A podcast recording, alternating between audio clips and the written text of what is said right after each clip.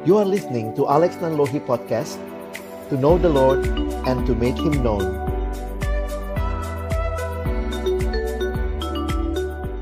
Mari berdoa sebelum membaca merenungkan firman-Nya. Bapa di dalam surga, kami datang dalam ucapan syukur di hadapan-Mu. Terima kasih untuk kesempatan menikmati pesta rohani kami pada hari ini dan juga sampai besok. Kami bersyukur melihat cinta Tuhan yang besar dalam hidup kami. Kalau sebentar kami akan membuka firman-Mu, kami mohon ya Tuhan, bukalah juga hati kami. Jadikanlah hati kami seperti tanah yang baik, supaya ketika benih firman-Mu ditaburkan, itu boleh sungguh-sungguh berakar, bertumbuh, dan juga berbuah nyata di dalam kehidupan kami. Berkati baik hambamu yang menyampaikan, semua kami yang mendengar, Tuhan tolonglah, agar kami bukan hanya jadi pendengar-pendengar firman yang setia, tapi mampukan dengan kuasa pertolongan dari rohmu yang kudus, kami dimampukan menjadi pelaku-pelaku firman-Mu di dalam hidup kami, di dalam masa muda kami. Bersabdalah ya Tuhan, kami anak-anakmu sedia mendengarnya. Dalam satu nama yang kudus, nama yang berkuasa, nama Tuhan kami Yesus Kristus. Kami menyerahkan pemberitaan firman-Mu. Amin. Shalom, selamat pagi Bapak Ibu Guru dan juga uh, adik-adik yang saya kasihi dalam Tuhan Yesus Kristus. Saya pakai uh, istilah adik-adik saja ya karena saya memang bukan guru secara khusus jadi uh, ya terserah kalian mau panggil ke Alex boleh. Kalau Batak manggil saya Bang Alex. Kalau yang Tionghoa panggil saya Ko Alex ya boleh gitu ya. Nah, bersyukur buat kesempatan ini kita boleh menikmati ya waktu untuk bersama-sama mengenal kembali lebih dalam siapakah Allah kita, ya. Dan hari ini Kak Alex akan mulai dengan mengajak kita melihat tema kita yang pertama yaitu God is my bestie. Nah, teman-teman, pengen ini juga ya di awal ini saya pengen tahu kabar kalian ya. Kalau room chatnya dibuka, kita bisa coba sharing ya kita sharing yuk kabar kita hari ini. Gampang kok, sederhana. Kalian lihat aja gambar ini. Nah, nomor berapa yang paling menggambarkan kondisimu hari ini? Oke, Kak Alex tunggu ya. Sekitar satu menit. Silakan teman-teman boleh chat, sharing kabarnya. Ini nggak ada bener salah ya. Kalau itu kabarmu ya udah, it, it's me gitu ya. Nah, silakan. Ayo, yang mana yang sedang menjadi wah, kabarmu hari ini dari gambar ini. Silakan. Yuk. Baik, terima kasih buat Bapak Ibu dan juga adik-adik yang sudah boleh share. Baik, Kak Alex akan lanjut ya. Hari ini kita akan bicara satu tema yang menarik. God is my bestie. Wih, kekinian banget ya. Apa sih bestie itu? Mungkin ada yang nggak tahu, nggak ikut perkembangan gitu ya. Ada yang masih jadul gitu ya, hidup di zaman batu. What is bestie ya? Nah, kalau cari di Google sih bilangnya this is an informal ya. Ini bahasa informal bicara tentang a person's best friend. Menarik ya, kita ada di dalam dunia yang juga berbicara tentang persahabatan. Nah, teman-teman yang dikasihi Tuhan, manusia makhluk sosial itu bukan cuma teori sosiologi. Itu pertama kali ada di dalam Alkitab. Bagaimana Allah menciptakan manusia bukan sendiri. Setelah Allah ciptakan manusia, dikatakan baik, baik, sungguh amat baik. Maka pertama kali di Alkitab kita muncul kata tidak baik di kejadian 2 ayat 18. Apa kalimatnya? Tidak baik kalau manusia itu seorang diri saja. Jadi Allah adalah Allah yang punya rencana bagi manusia dan rencananya indah supaya manusia juga hidup dalam relasi dengan manusia yang lain ya. Karena itulah kita juga bicara bestie ya dalam relasi sesama. Banyak definisi persahabatan kalau kalian cari banyak ya. Alkitab misalnya ada ayat Amsal 17 ayat 17. Seorang sahabat menaruh kasih setiap waktu. Perhatikan, bukan sewaktu-waktu. Tetapi setiap waktu dan menjadi seorang saudara dalam kesukaran. Nah, di situ sebenarnya persahabatan diuji. Ini sahabat sejati enggak? Waktu ada kesukaran dia tetap ada atau dia pergi. Dalam satu definisi persahabatan yang saya suka juga, saya tulis di sini, adalah orang yang mengetahui hal yang paling buruk tentang dirimu, namun masih tetap mengasihi engkau sebagaimana adanya. Wah, teman-teman kayaknya ideal banget gitu ya. Tapi ya realitanya dunia sudah jatuh di dalam dosa, karena itu tidak ada sahabat yang sempurna di dalam konteks persahabatan manusia. Tapi hari ini kita bicara tentang Allah. God is my bestie. Dan itu bicara tentang pribadi Allah, karakter Allah dalam relasi dengan kita. Nah, ini yang Kak Alex mau ajak kita lihat. Waktu teman-teman mungkin sudah give up give up on friendship with others gitu ya. Please keep in your mind God is your bestie. Mungkin kesannya wah klise banget gitu ya apa-apa kalau nggak bisa Tuhan nah, semuanya Tuhan. Tetapi saya ingin mengatakan bahwa ini bukan sekadar teori. Tetapi inilah sebenarnya apa yang Allah nyatakan kepada kita di dalam firman-Nya bagi kita. Ya, karena itu pagi ini Kak Alex tidak akan bicara persahabatan manusia yang mungkin gagal itu, tapi kita akan bicara persahabatan dengan Allah dan ini satu hal yang menarik. Karena apa? Manusia itu adalah ciptaan Allah. Betul ya? Kita sudah tahu itu semua. Dan Allah yang menciptakan manusia. Kejadian 1 ayat yang ke-27 menuliskan. Maka Allah menciptakan manusia itu menurut gambarnya. Saudara, ini jadi hal yang menarik ya. Bahasa Inggris menggunakan God created man in his own image. Menurut gambarnya menurut gambar Allah diciptakannya dia, laki-laki dan perempuan diciptakannya mereka. Apa hal yang menarik waktu berkaitan dengan penciptaan ini? Ada beberapa fakta yang Kak Alex ingin di awal ini bukakan bagi kita ya. Yang pertama misalnya, karena Allah menciptakan kita, maka ingat, dia Allah yang merindukan ada relasi personal dengan saudara dan saya. Dia menciptakan kita to have a personal relationship with Him. Sehingga seorang teolog yang saya kutip namanya Nicky Gamble. Dia berkata, pria dan wanita diciptakan untuk hidup dalam hubungan dengan Allah. Alex sengaja tuh ya, pakai gambar. Wah, ini kan generasi colokan ya. Kita tuh paling paling bingung deh kalau nggak ada colokan ya. Itu gambaran kebergantungan. Demikian juga pria dan wanita diciptakan untuk hidup dalam hubungan dengan Allah. Tanpa hubungan tersebut akan selalu ada rasa lapar, sebuah kekosongan dan sebuah perasaan yang hilang.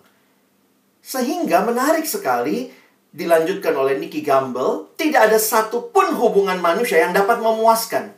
Selama masih kategorinya hubungan antar manusia itu nggak bakal memuaskan atau dapat terus bertahan. Semua relasi ada expiry date-nya ya dalam konteks dunia ini. Contoh, ada nggak yang punya papa mama nggak bisa meninggal? Oh, papa mamaku dong nggak bisa meninggal, dapat terus bertahan. Itu menunjukkan bahwa setiap kita selama dalam dunia ini, semua relasi-relasi kita tidak ada yang truly satisfied dan tidak ada yang bisa terus-menerus bertahan.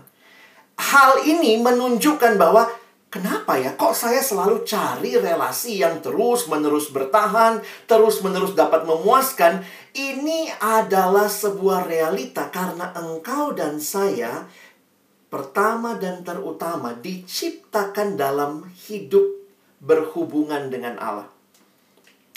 Waktu kamu lihat dirimu, kamu sadar kenapa saya selalu mencari yang terus-menerus yang dapat everlasting. Karena teman-teman, kita diciptakan untuk hidup dalam hubungan dengan Allah. Karena cuma Allah yang bisa memberikan hubungan yang semacam itu.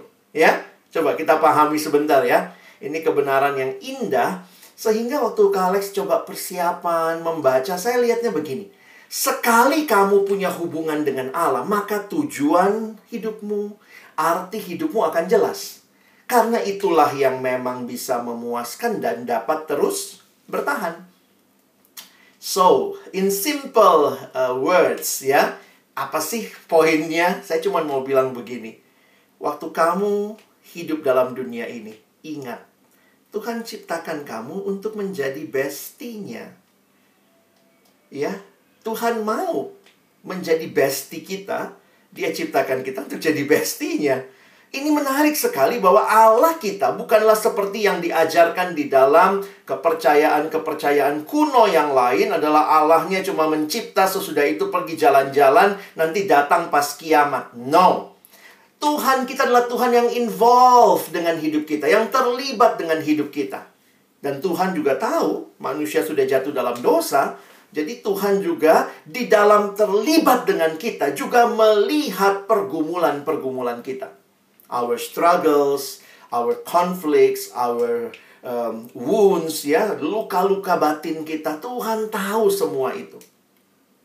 Dan itu menarik untuk perhatikan ya, bahwa sering kali anak muda, anak-anak yang sekarang ini bicara besti-bestian di uh, media sosial, tapi sedih banget kalau dia nggak punya satu hubungan yang indah dengan Tuhan.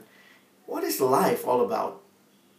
Because your identity and your purpose come from God. Teman-teman pernah beli benda elektronik nggak? Biasanya kalau beli benda elektronik itu disertai buku manual ya. Siapa yang keluarin buku manualnya? Ya pabriknya. Jadi mau tahu benda itu gunanya apa, bagaimana cara penggunaannya, baca buku manualnya, baca apa yang dikasih tahu sama penciptanya, sama pabriknya. Teman-teman kalau mau tahu hidup kita dan kita aja sudah sadar kita diciptakan oleh Allah, ya tanyanya sama Tuhan kali ya. Jangan tanya sama yang lain, nanyanya sama bintang minggu ini. Wah, Capricornus, jangan deket-deket Pisces, dia ikan, nanti lu basah. What? Kalau kamu mau tahu tentang hidupmu, tanya sama penciptamu. That is the best way to know your life, your identity, your purpose. It's come from God. Dan bayangkan, kalau kamu tidak pernah menemukan itu, apa yang terjadi? Kamu akan cari kan? Karena kita manusia selalu explore gitu ya. Aduh saya ini apa ya? Saya ini apa ya? Saya ini seperti apa ya? Apa prestasi saya? Sehingga waktu bicara true self identity in biblical perspective is not gain. Identitas itu bukan sesuatu yang kita capai. Bukan sesuatu hasil pencapaian maka kita dapat identitas. Kayak kadang-kadang orang tua suka gitu ya. Aduh anak saya udah lulus nih udah kelas 12 udah jadi orang. Eh emangnya sebelumnya monyet ya itu that's the way people perceive about what you achieve that is something who you are true self identity di dalam Alkitab is not gain Bukan karena kamu mencapai ini, mencapai itu, kamu lulus SMA, kamu masuk kuliah di kampus terbaik. Bukan bukan itu yang membuat kamu punya identitas. Sejak awal dicipta kamu adalah anak Allah. Jadi kamu tidak harus menjadi anak Allah dengan melakukan sesuatu, not gain, but given by God, our creator. So you don't have to prove anything to gain acceptance from God, your creator. Because in him you are accepted, you are loved, and you are precious. Jadi ini dulu deh clear di pikiran kita ya. Kalau kita lagi bicara hari ini kan tentang uh, God is my bestie, memang Tuhan mau kok berelasi dengan kita. Dan itu membuat kita jadi sadar siapa diri kita, hidup kita mau ke mana, tujuan hidup seperti apa, dan sadar kita itu unik. Unik dan juga berharga. Wow. Teman-teman sebenarnya kata unik itu menarik ya. Apa bedanya unik sama langka? Kalau langka itu kan kayaknya satu-satunya ya, udah nggak ada lagi duanya kira-kira begitu. Ini langka banget nih ya. Tapi kalau unik bisa jadi begini, banyak kayak begitu ya. Saya punya 10 pulpen. Saya punya 10 pulpen, semuanya baik gitu ya. Tapi setiap pulpen itu unik. Kalau saya cuma punya satu-satunya pulpen keluaran tahun 1800 sekian, nggak ada lagi di tempat lain, itu langka. Unik itu banyak, tapi setiap bagian itu special. Kita manusia itu disebut unik. Kenapa? Ada manusia lain, ada teman kita, dia unik, saya unik gitu ya. Besok kita akan explore lebih jauh soal uniqueness ya. Tapi hari ini mari kita lihat, kita itu berharga di hadapan Allah. Kita unik, kita berharga. Kamu lebih suka disebut manusia unik atau manusia langka? Ayo. ya, karena sering kali kita membandingkan diri dengan orang lain padahal seharusnya kita sadar betul I am unique to God. Ya. Nah, sebenarnya ini baru pengantar ya. Kak Alex mau bicara apa hari ini? Saya mau ajak kita uh, relate ya karena kadang-kadang konsep-konsep seperti ini gimana sih realitanya dalam hidup? Nah, hari ini kita akan belajar dari satu tokoh, besok kita belajar dari satu tokoh lagi. Saya memilih hari ini kita belajar dari Daniel. Wah, beberapa nulis juga itu ya. Ada yang nulis Daniel gitu, ada yang nulis Ayub, macam-macam. Saya pikir nama kamu sama ya. Tadi saya lihat lu banyak banget nama Ayub ya. Banyak banget nama Daniel. Oh, ternyata ada juga namanya Mazmur. Oh, berarti ini kitab-kitab ya. Itu kelompok kalian nanti. Baik, Nah, Bapak Ibu Saudara yang dikasihi Tuhan, kita lihat ya hidup seorang muda Daniel. Hidupnya menarik ya, karena di dalam Alkitab kita membaca, mungkin saya nggak jelasin uh, panjang ya. Teman-teman banyak yang sudah belajar tentang hidup Daniel di dalam kitab Daniel ya. Apa yang menarik dalam hidup Daniel ini?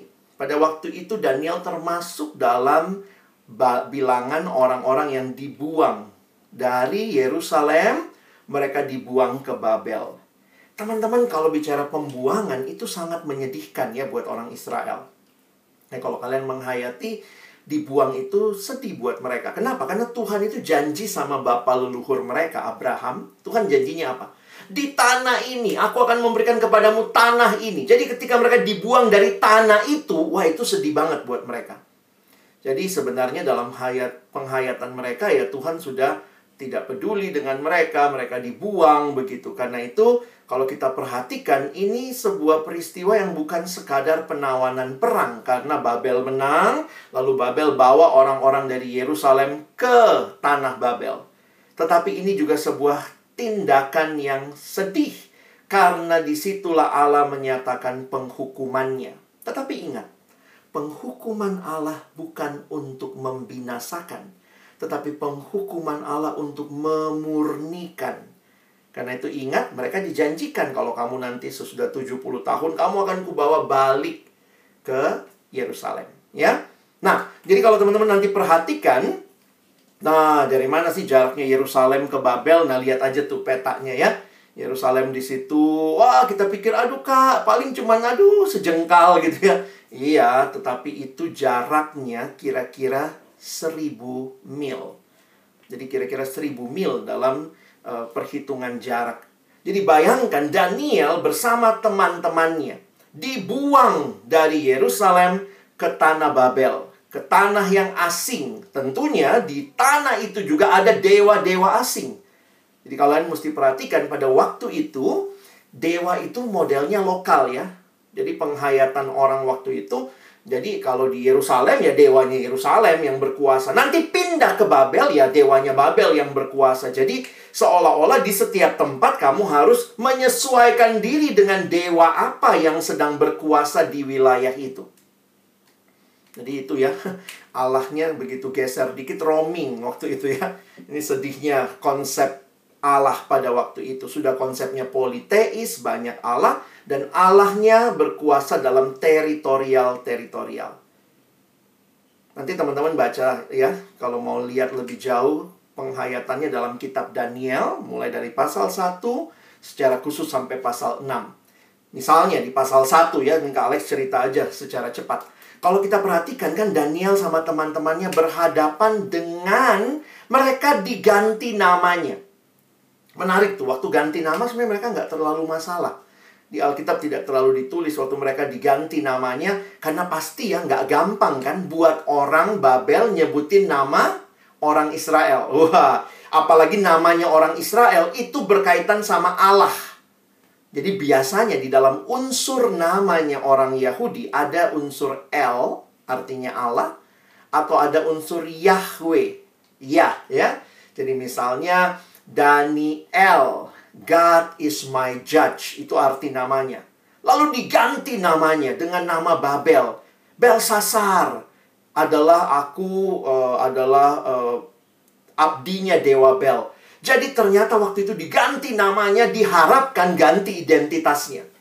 Tapi Daniel dan kawan-kawannya silahkan kayaknya gitu ya. Lu mau ganti nama silahkan deh. Tapi identitas kami tidak berubah. Tetapi ketika ditawarkan makan dari makanan raja yang notabene sudah dipersembahkan sama berhala. Maka Daniel dan kawan-kawannya berkata, tidak. Wow, ini waktu nama diganti ya silahkan lah. Kayaknya dia bilang itu kan penyebutan. Kamu mau sebut saya siapa terserah kamu. Tetapi waktu diminta untuk mengambil bagian dalam makanan raja yang sudah dipersembahkan kepada berhala pada waktu itu, Daniel dengan tegas menyatakan tidak. Dan ingat, raja pada waktu itu ya nggak ngerti hak asasi manusia. Me menolak raja sama artinya dengan melawan, memberontak, berarti hukumannya bisa sampai dibunuh.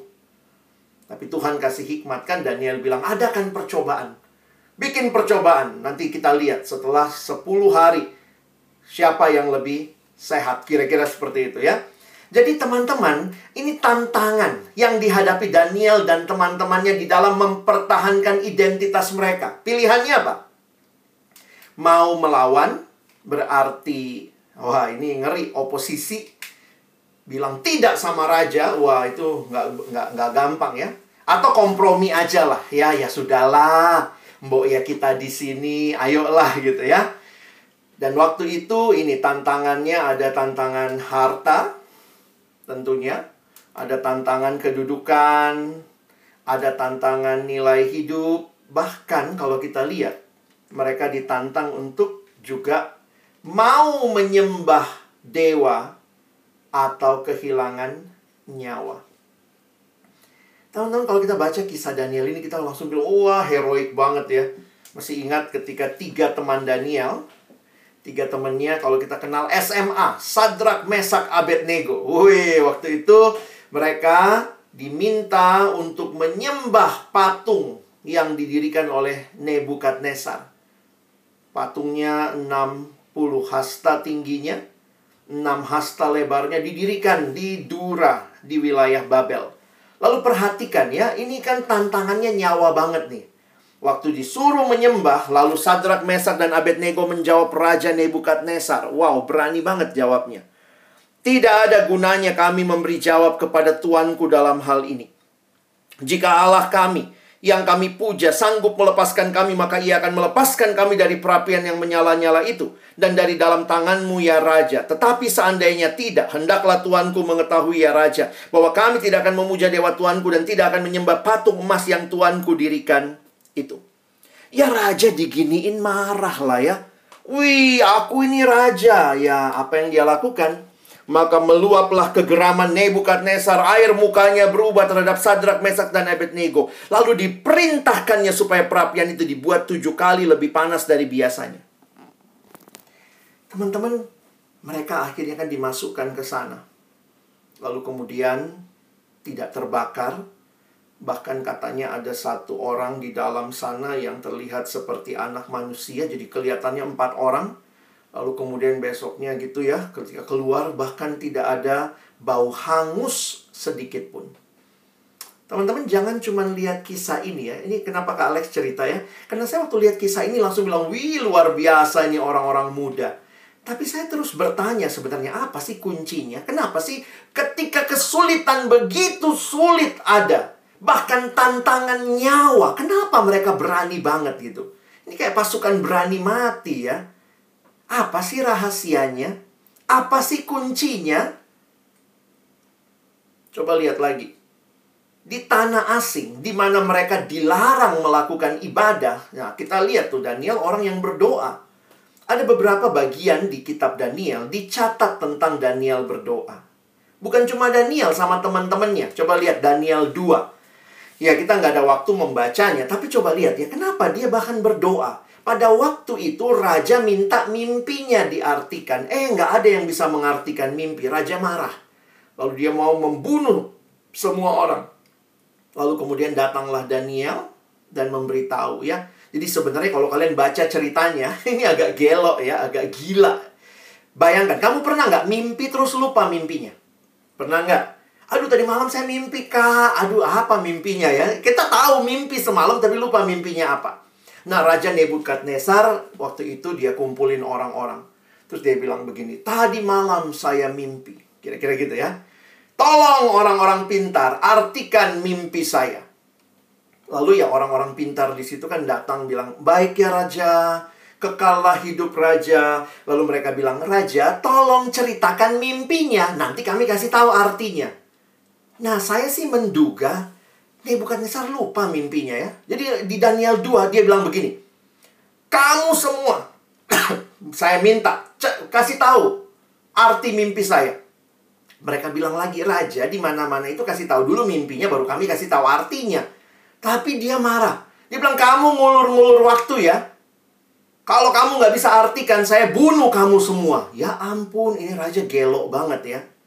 Nanti baca deh ya. Nah, saya menebaknya, kalau saya menafsirkannya, kayaknya dia lupa mimpinya. Lalu makanya waktu ditanya, dia bilang, wah, kamu nih mau mengulur waktu. Dan akhirnya kalau semua orang pintar dia mau bunuh, dia mau musnahkan, termasuk Daniel. Maka waktu kalian lihat ayat 13 ya, ketika Tita dikeluarkan orang bijaksana dibunuh, maka Daniel dan teman-temannya pun terancam dibunuh. Ah, di sinilah Daniel datang sama raja. Menghadap raja dan dia minta waktu ya. Nanti kalau kalian baca bawahnya tuh Daniel bilang gini juga. Ya raja, di mana-mana itu kasih tahu mimpinya dulu, baru artinya. Tapi karena saya punya Allah yang di surga yang bahkan tahu apa mimpinya dan tahu apa artinya. Wih, kalau baca kisah itu luar biasa ya. Daniel mau mengatakan memang manusia tidak ada yang bisa mengartikan, tapi hanya Allah. Tapi sebelum itu, apa yang Daniel lakukan? Ayat 17, baca ya. Kemudian pulanglah Daniel, ini udah mau ancaman hukuman mati ya Kemudian pulanglah Daniel memberitahukan hal itu kepada Hananya, Misael, Asaria, teman-temannya dengan maksud apa yang mereka lakukan? Supaya mereka memohon kasih sayang kepada Allah semesta langit mengenai rahasia itu. Karena memang rahasia ya, mimpinya nggak tahu, apalagi artinya ya. Tapi ada Allah yang tahu mimpi itu dan tahu artinya. Maka 19, maka rahasia itu disingkapkan kepada Daniel dalam suatu penglihatan malam. Lalu Daniel memuji Allah semesta langit. Nah, kira-kira begitu ceritanya ya. Nanti lebih detailnya kalian baca Daniel 2 ya. Jadi kalau kalian perhatikan nih, ini raja bahkan mengancam nyawa, tapi Daniel dan teman-temannya berdoa. Ingat kepada Allah. Wow. Siapa yang kita cari ya kalau kita sulit ya? Who is your bestie? Daniel cari Tuhan. Nah, kita lihat lagi ya cerita terkenal mungkin saya nggak usah ceritain. Tapi di Daniel 6, ketika itu Daniel juga sudah ada di masa kerajaan yang lain. Nebukadnezar kan Raja Babel. Ini kerajaan udah berganti. Ini kerajaan Persia. Rajanya namanya Darius. Dan waktu itu, Daniel pun terancam nyawanya. Karena orang-orang nggak suka sama Daniel ya Lalu kemudian cari-cari kesalahan. Eh, dia nggak punya cacat celah, teman-teman. Kecuali dalam hal agama. Karena Daniel selalu berdoa ke arah Yerusalem tiga kali sehari. Ia berlutut, berdoa serta memuji Allahnya seperti yang biasa dilakukannya. Karena itulah dia ditangkap ya. Ah, udah. Jadi dia tahu bahwa surat itu mengatakan dalam 30 hari tidak boleh menyembah kepada Allah lain. Kalau ada Allah lain yang disembah selain kaisar, maka orang itu akan dimasukkan ke gua singa. Tetapi lihat ayat 11, demi didengar Daniel bahwa surat perintah itu telah dibuat, harusnya apa? Ya stoplah berdoa 30 hari aja stop supaya kamu aman Daniel. Enggak. Daniel naik ke tempat di tempat dia biasa berdoa, dia berdoa ke arah Yerusalem, Tiga kali sehari ia berlutut, berdoa, memuji Allah seperti yang biasa dilakukan. Hasilnya apa? Ini. Masuk gua singa. Nyawa lagi ancamannya. Ini dia sudah tahu ya. Teman-teman, jujur aja waktu baca kisah-kisah ini tuh kayaknya wow, heroik banget, pahlawan, superhero, luar biasa, mulut-mulut singa aja nggak terkatup begitu ya. Tapi pertanyaannya begini. Apa sih yang membuat Daniel dan kawan-kawannya bisa seperti ini? Nah, ini poin ke Alex hari ini ya. Saya harap kita bisa belajar sama-sama. Saya menyimpulkannya begini. Daniel bisa seperti itu. Karena Daniel mengenal siapa Allahnya. emangnya Allah seperti apa yang Daniel kenal? Nah ya, nanti kita bisa baca seluruh kitab Daniel. Tetapi saya melihat ada satu ayat yang menarik di dalam Daniel pasal 5. Nah, ini ayat kunci yang Kak Alex mau kita pahami hari ini. Di Daniel pasal 5 ini ceritanya Raja Belsasar. Jadi kemungkinan itu anaknya Nebukadnezar ya. Raja Belsasar itu kemudian mengadakan pesta Lalu kemudian dia mengadakan pesta, dia undanglah semua orang, dia pakai perkakas dari bait Allah. Dan terbuat dari emas, kayu, perak, dan ternyata dia tidak hanya pakai untuk pesta pora, padahal itu kan dari bait Allah berarti itu perkakas kudus, tetapi dia bukan hanya berpesta pora dengan perkakas itu, dia bahkan menyembah dewa-dewa dari perak, emas, dan selanjutnya. Karena itu, malam itu, ada punggung tangan yang menuliskan mene mene tekel ufarsin. Nah, nanti baca Daniel 5. Ketika muncul punggung tangan yang menuliskan mene mene tekel ufarsin, ditanya siapa yang mengerti artinya? Nggak ada yang tahu. Akhirnya cari lagi siapa. Ah, ingat ada orang yang bisa mengartikan namanya Daniel. Daniel pun dipanggil. Nah, ternyata sebelum Daniel memberikan arti, wah ini luar biasa ya. Sekali lagi Daniel tidak curi kemuliaan. Dia bilang, ada Allah yang bisa tahu arti ini. Tetapi sebelum Daniel kasih tahu artinya, dia bilang ayat 23. Jadi kayak Daniel mau bilang gini sama Belsasar, Raja Belsasar, kamu ini kurang ajar sama Tuhan ya. Saya akan kasih tahu artinya, tapi ini juga Tuanku, ya kita baca. Tuanku meninggikan diri terhadap yang berkuasa di sorga. Perkakas dari baitnya dibawa orang kepada tuanku. Lalu tuanku serta para pembesar tuanku, para istri dan para gundik tuanku telah minum anggur dari perkakas itu. Nah, masalahnya bukan cuma minum. Tuanku telah memuji-muji dewa-dewa dari perak dan emas dari tembaga, besi, kayu, dan batu yang tidak dapat melihat atau mendengar atau mengetahui dan Tuhan tidak Tuanku muliakan Allah yang menggenggam nafas Tuanku dan menentukan segala jalan Tuanku. Bapak, Ibu, adik-adik yang dikasihi dalam Tuhan, perhatikan baik-baik ayat ini. Ini ayat yang menjadi peringatan Daniel. Menegur raja yang tidak menyembah Tuhan. Tuanku meninggikan diri terhadap yang berkuasa di sorga. Perhatikan, ayat ini mengkontraskan bagi saya. Mengkontraskan tentang siapa Allah dan berhala. Coba kita lihat. Berhala itu yang mana? Yang tadi tuh. Dewa-dewa dari perak, emas, dari tembaga, besi, kayu, dan batu. Tapi menariknya gini, teman-teman lihat ayat selanjutnya ya. Dalam ayat-ayat selanjutnya ini justru muncul bagi saya pengakuan Daniel tentang siapa Allah secara implisit. Kalau kita ngerti bahasa Indonesia, kita bisa lihat ya, dia lagi bicara dewa-dewa. Dewanya kenapa? Tidak dapat melihat, tidak dapat mendengar, tidak menggenggam nafas hidup, tidak menentukan segala jalan Tuanku. Jadi lihat, Inilah dewa-dewa yang tidak ini, tidak itu, tidak ini, tidak itu. Kalau begitu, Allahnya Daniel Allah yang seperti apa? Nah, coba kita buat pemahaman eksplisitnya dari ayat ini. Kalau berhala itu tidak dapat melihat, maka bagaimana Allahnya Daniel? Daniel mengenal Allahnya adalah Allah yang melihat. Berhala itu tidak dapat mendengar. Allahnya Daniel Allah yang mendengar. Berhala itu tidak mengetahui Allahnya Daniel Allah yang mengetahui. Dia katakan, dan tidak Tuanku muliakan Allah yang menggenggam nafas hidup. Daniel mengakui Allah adalah Allah yang menggenggam nafas hidup manusia Lalu kemudian Allahnya Daniel adalah Allah yang menentukan jalan hidup manusia.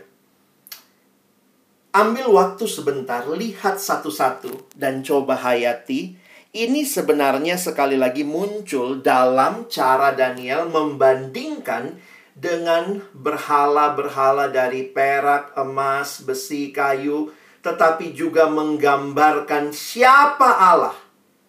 Allah seperti apa yang dikenal Daniel. Allah yang melihat, Allah yang mendengar, Allah yang mengetahui, Allah yang menggenggam nafas hidup, Allah yang menentukan jalan hidup. Di sinilah Kak Alex jadi sadar teman-teman ya. I hope you get my point. Kenapa Daniel berani banget? Kayak nggak takut mati. Kenapa teman-temannya bahkan siap masuk dapur perapian? Karena dia tahu siapa Allahnya. Hidupnya bukan di, di tangan Nebukadnezar. Oh, sorry aja. Hidupnya bukan di tangan Darius. Dia bilang Allah yang menggenggam nafas hidup manusia. Kenapa Daniel berdoa? Dia tahu Allahnya Allah yang mendengar.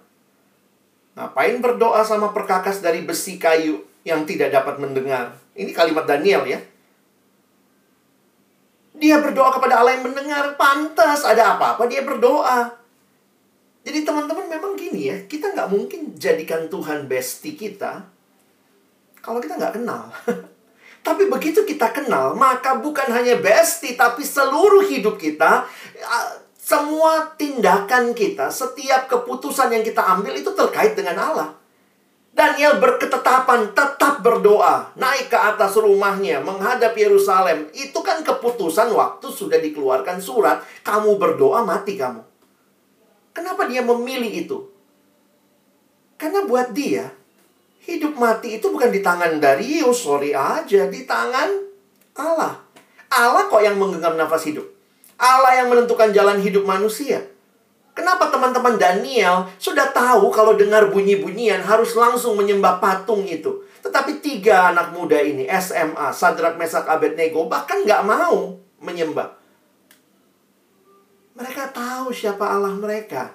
Mereka tahu dia Allah yang menggenggam nafas hidup, bukan Nebukadnezar. Bukan dapur perapian yang membuat kita hidup atau mati. Allah kok ya. Jadi teman-teman, wow. Coba hayati ya. If you have a bestie, kalau kamu punya bestie yang melihatmu, mendengarmu, mengetahui pergumulanmu, bahkan menggenggam nafas hidupmu, bahkan menentukan jalan hidupmu. Kadang-kadang Tuhan, gimana ke depannya habis SMA? Aduh, nggak tahu nih, pengen ini, pengen itu, nggak tahu nih, jurusannya masih bingung. Udah keterima pun masih bingung, nanti enak nggak ya? Nanti gimana ya? Tapi pertanyaannya, apakah engkau tahu, engkau kenal Allahmu?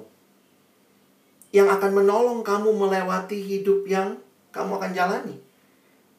Teman-teman, kenal Allah sebagai Allah yang melihat, mendengar, mengetahui, menggenggam nafas hidup, menentukan jalan hidup manusia. Bukan berarti tidak ada pergumulan. Ingat ya. Karena ini kan pengakuannya Daniel nih. Bukan berarti Daniel nggak ada pergumulan. Oh, tetap. Pergumulan harus memilih menyembah Allah. Pergumulan masuk gua singa. Tetapi keyakinan tentang Allah itu membuat dia bisa memilih apa yang sesuai kehendak Allah satu perenungan yang saya pikir gini ya. Kalau kamu cuma punya teman yang bisa lihat doang, bisa lihat, ih kasihan ya, aduh dia lagi bergumul ya, kasihan ya. Oh, ngelihat doang mah gampang. Semua orang juga bisa ngelihat, ih kita juga lihat artis-artis, ih sedih banget hidupnya ya. Gampang kok kalau ngelihat doang. Wah, ada step lebih jauh lagi, mendengar. Wih, dia nggak cuma lihat, gue dengerin lah, sharing deh, lu sharing deh. Gue denger sharing lu. Waduh kita langsung bilang dia bestie banget. Dia tahu hidup gue susah. Dia juga datang dengerin aku terus tiba-tiba kita naik lagi sedikit lebih tinggi bestinya ya. Iya ya gue paham. Gue ngerti banget apa yang lu alamin. Aduh gue ngerti banget. Wih kita rasanya dapat bestie yang luar biasa gile ya. Dia ternyata bukan cuma lihat gua, dia bukan hanya denger gua, dia bahkan tahu dia juga pernah ngalamin. Persis kayak yang gua alami gitu ya. Kalau tiga hal awal aja kita miliki bestie, wow, kita akan bilang gue punya temen deh, temen gue luar biasa. Tapi Tuhan kita, dia bukan hanya lihat, dia bukan hanya dengar, dia bukan hanya tahu, kita bisa nyanyi Allah mengerti, Allah peduli segala persoalan yang kita alami, tapi Dia Allah yang bahkan menggenggam nafas hidup. Dia yang menentukan jalan hidup. Teman-teman, do you know that you have God as your bestie? Yang lihat pergumulanmu, dengar keluh kesahmu, dengar doa-doamu, tahu apa yang kamu alami karena dia pernah turun jadi manusia di dalam Kristus. Tapi dia juga Allah yang genggam nafas hidup. Dia Allah yang menentukan masa depan, karena itu serahkan hidup sama dia. Karena apa yang engkau katakan, Tuhan aku tidak tahu masa depanku. Tuhan bilang, aku yang menentukan jalan hidup. Teman-teman, Tuhan itu bukan basa-basi ya. Karena kebetulan sekolah, di sekolah yang harus bicara Allah, Yesus. Tuhan is not only for our curriculum. He is for our life, our soul, our everyday step. Kamu mau hidup kayak Daniel? Daniel tahu siapa Allahnya. How about you? Apa kesimpulan Daniel? Kira-kira kalau kita lihat dari ayat tadi ya. Saya menyimpulkan Daniel bisa bilang gini, Allah gua Allah yang hidup coy. Berhala lu berhala yang mati. Allahku Allah yang berinteraksi, dia mendengar. Dia peduli, dia lihat hidupku. Bahkan aku tidak takut akan masa depanku. Dia ada. I believe in the living God. Dan bersyukurnya apa ya? Karena kita tidak hanya hidup di perjanjian lama, kita punya perjanjian baru. Kak Alex senang dengan definisi berikut ya. What is Christianity? Christianity isn't just a religion. It's a relationship with God through Jesus Christ. Adalah relasi dengan Allah. Jadi beragama Kristen bukan sekadar ikut ritual, ikut kebaktian. Itu penting. Tetapi more than that, it's a relational things.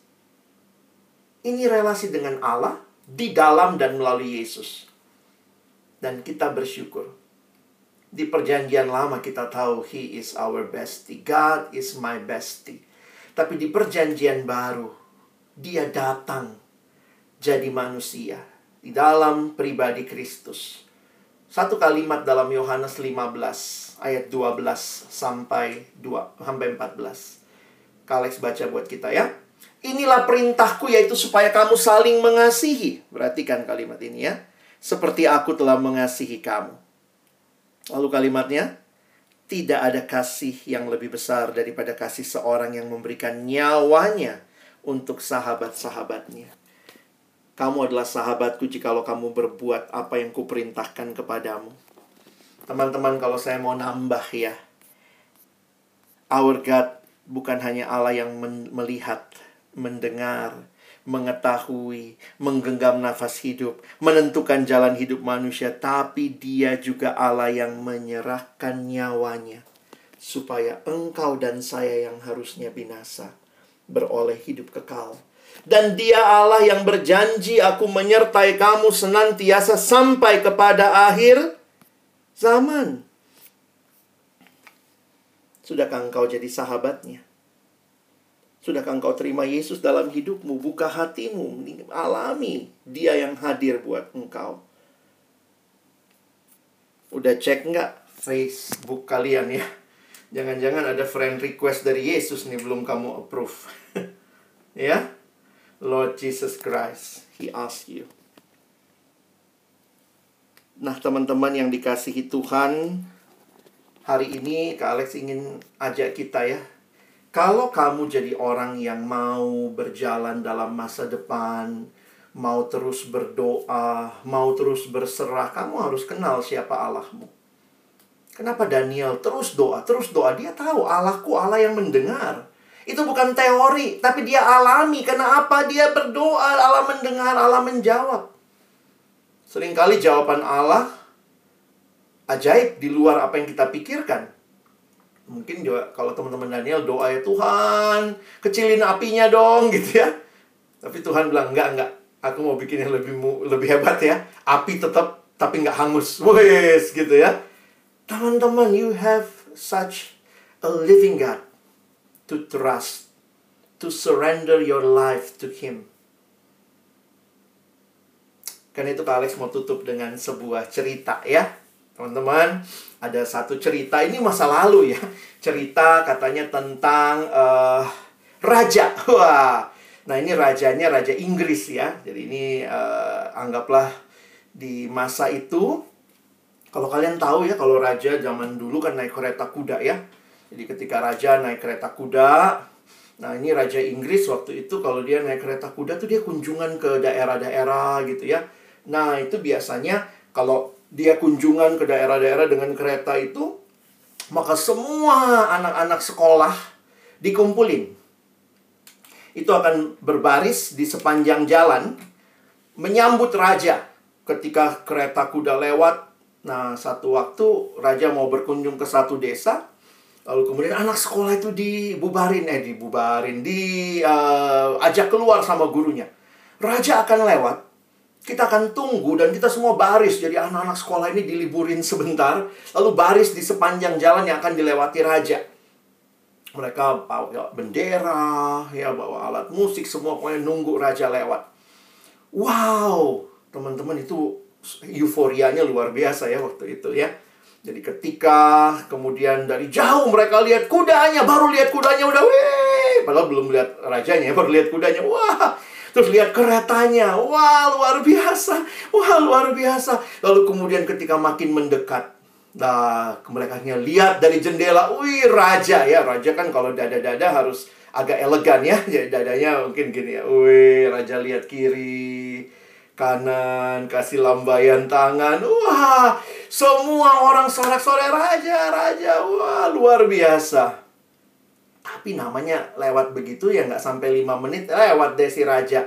Gurunya bilang, aduh anak-anak balik sekolah lagi ya. Kita lanjutkan PTM kita. Oke, okay. baliklah PTM lagi. ketika udah balik, ternyata di sepanjang jalan anak-anak cerita. Wih, tadi aku lihat, wah, aku lihat raja, aku lihat mahkotanya. Wah, ih kamu lihat nggak kudanya hebat banget ya, bersih banget. Semua bicara tentang apa apa yang baru saja mereka lihat. Nah, dalam perjalanan pulang itu ternyata kemudian seorang anak begitu sampai di sekolah, anak ini menangis terseduh-seduh. Seorang remaja putri kelas 5 SD. Dia nangis terseduh-seduh. Lalu kemudian gurunya datang sama dia. Nak, kenapa nangis? Apa kamu tadi nggak lihat raja? Kamu ketinggalan ya? Kamu tadi ke toilet sampai nggak lihat raja. Kenapa kamu nangis terseduh-seduh? Enggak, aku tadi ikut juga. Oh, terus kenapa? Oh, kamu ketutupan. Teman-temanmu ketinggian ya. Jadi kamu waktu mau lihat nggak kelihatan. Enggak sih. Loh, kenapa kamu nangis? Lihat dong, teman-temanmu semua suka cita tertawa. Kenapa kamu nangis? Kamu emangnya nggak lihat raja? Enggak sih, saya lihat raja. Iya, tapi kenapa kamu nangis? Saya lihat raja, tapi raja nggak lihat saya. Saya lihat raja, Bu, Pak, tapi raja nggak lihat saya. Itulah raja dunia. Kita lihat dia. Dia nggak lihat kita. Dia nggak kenal kita. He never be your bestie. He's very limited. Tapi Allah kita. Dia bukan hanya Allah yang tinggal jauh di atas sana. He is very close to our hearts.